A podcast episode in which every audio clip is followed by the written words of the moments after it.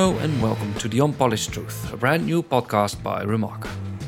Over the course of 10 episodes, we will talk about a wild variation of political topics that trouble the world of today. Today's topic is about good ideas and their challenges. When I was a kid, I used to watch this cartoon on the human body. The poorly animated cartoon from the 90s made blood cells look like shapeless Teletubbies in their everlasting battle with viruses. The brain was operated by an old man named Maestro. It was glorious. Why don't we do the same here with a good idea? Let's call the good idea Melvin and follow his journey through the swamps of reality. He needs to fight his nemesis, bad ideas. Along the road, he is seduced by principles, he is cast aside for political reasons, and he is sold to the organization who refuse to make use of him. Will Melvin manage to spread his wings and do good for all of us? The journey begins. Quite recently, I had a conversation with my father on reality television. He argued that they are immoral and disgusting, and while I didn't disagree, I find them fascinating to watch. There's something intriguing about the train wreck of other people's lives. Some perverse curiosity, the very same that makes you stare at a car crash or look at tornadoes tear through buildings like scissors through paper. Dutch television is all about reality. Ever since the international success of Big Brother, hundreds of similar television formats have been conceived. The contenders would sell their soul for the prospect of fame or money, and the audience would shake their heads in disbelief and never stop watching. We have shows like Celebrities on Welfare, I Want Your Child But Nothing Else, and of course The Voice. In the last one, the first episodes were classic reality. Hundreds of people would show up to an audition to show off their singing talent. I couldn't help but wonder how candidates were absolutely oblivious to how poorly they sang. They would sing their heart out, unhindered by any doubt, with hopes and dreams of a life of fame. Surely their friends and family would have advised them not to go, Instead, though, they explained the jury how their friends encouraged them to participate. So, to be good at something, you need to know what good actually is. Being oblivious to what makes something good means that you cannot evaluate if you are any good at it. To be able to sing good, you need to have tone control, volume control, breathing control, and a feel for tempo and a feel for musical dynamic. If one of these elements is way off, you will notice the flaw and you can improve it. However, if you are ignorantly bad at singing, you will think that being good is just a matter of taste. Quality and taste rarely oppose each other, though. Quality is what you go and see in the museum, taste is what you select to hang on your apartment wall. If you don't know what quality is, you cannot evaluate if you have it, and therefore it makes perfect sense that you build your confidence up on an assumption. Convinced by your own right, you start to build up the legend around you. Act like a rock star, a misunderstood and unrecognized wunderkind. So, why doesn't anyone tell them that they're no good at it? My nephew showed me a drawing of a butterfly, but if he would have told me it was a fire truck, I might have seen more of a resemblance. Of course, I will provide him with many tips. I suggest him to really look at a butterfly.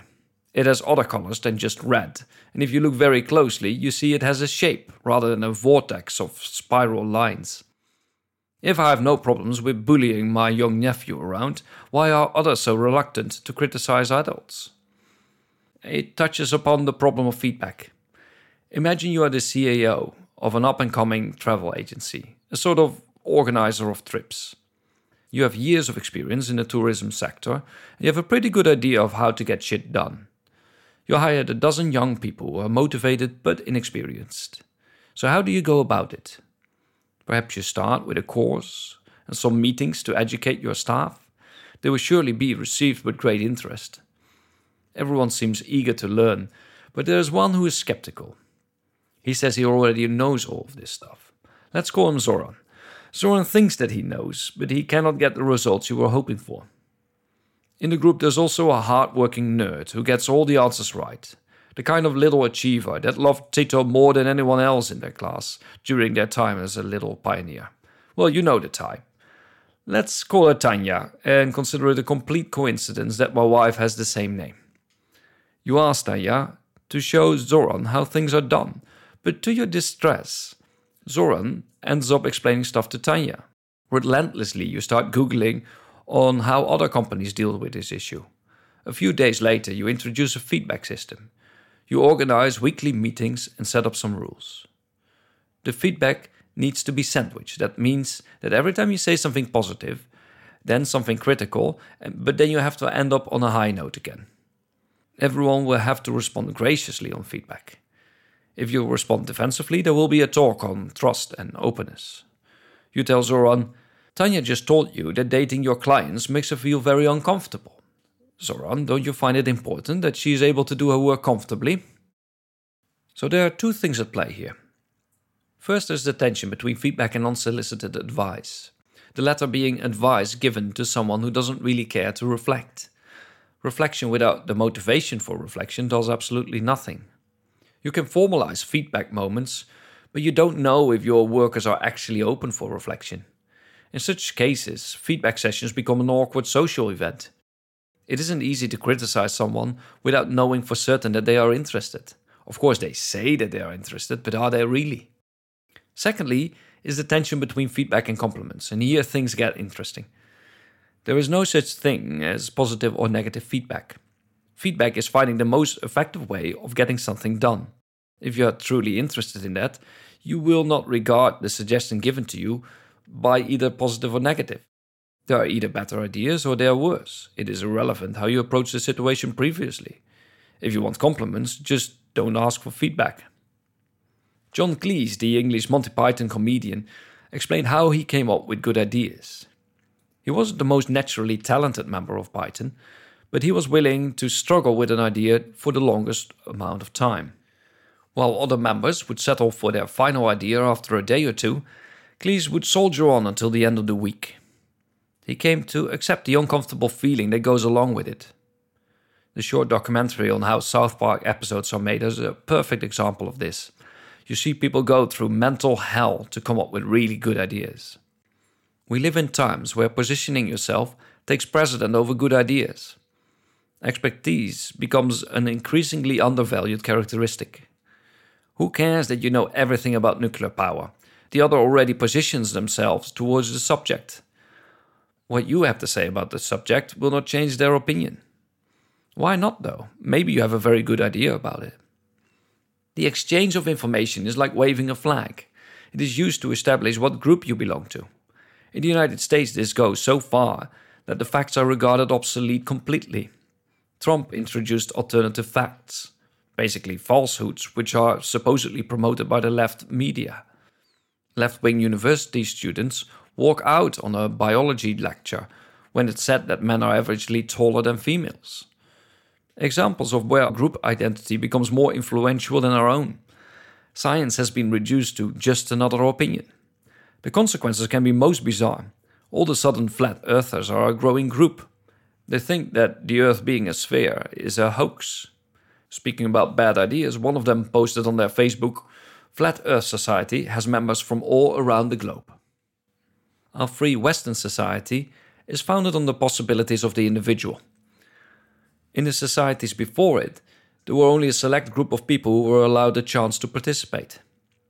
The free society is incredibly effective, and it has something to do with giving everyone a shot. If everyone is allowed to compete, chances are in favor of finding the most competent person. In a previous podcast, we talked about the dangers coming from climate change. A seriously harmful phenomenon like this needs the best people to come up with a solution for it the best chance of finding the most competent person is by opening the application to everybody. It is also here where equality of opportunity and equality of outcome collide. In the case of a job opening, equality of opportunity will allow everyone to participate, no matter the group you belong to, no matter your gender, your social status, or your political allegiance. In countries where females are not allowed to participate, half of the potential candidates are ignored some argue, though, that the outcome should be equal. When half of your population is female, then half of the politicians should be female also. As an effect, it will restrict job openings to half of the candidates, and in turn, severely damage the chances of finding the best candidate. If you have a group of 100 people and ask them to solve a very difficult puzzle, 80 of them will not manage to solve it at all. 90 of them will be very close to solving it, and the one person that does solve it will do so in a record time. This is called the Pareto principle. It states that 80% of the wealth is owned by 20% of the people. It isn't restricted to wealth distribution, though. It has been found in a wild variation of things. In the United States, 20% of the patients use 80% of the healthcare. 80% of the sales comes from 20% of the clients. 20% of the software bugs produce 80% of the software errors. It functions like a rule of nature, an axiom in which way resources will distribute themselves. Karl Marx believed capitalism to be the cause of the 80 20 rule. He was half right. It is definitely a truism in capitalism, but it also applies to any other form of government, including communism. A far more distinctive problem of capitalism is the ownership of an idea. Not that it doesn't exist in communist countries, but certainly they care less about it.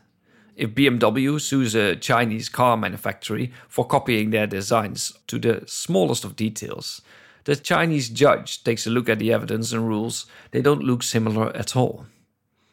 It seems only fair that someone who came up with an excellent idea would get paid tribute to this. At the same time, it allows for ideas to be gated by one person or company, to the disbenefit of everybody. There are multinationals like the oil company Shell. They are known to purchase plans for an alternative ecological power sources and toss it in the safe. It would benefit them most to develop the idea only after they sold most of their oil. They took away a potential competitor and only put it in play at a convenient moment in the future. Convenient for them, not for everybody else. It will not be long before Shell will rebrand themselves as the pioneers of alternative fuel sources. Another outrageous examples are pharmaceuticals. Some medicines are exclusive to one company, they will keep the recipe exclusive to maximize their profits. The high prices will make it inaccessible for poor people and countries. I suggest an alternative idea. Instead of owning an idea, make a big database in which all ideas are gathered. If you use an idea to make something, over time you sell your product and pay a small percentage to the person who came up with it. If you sell millions of products, you make the inventor a rich person.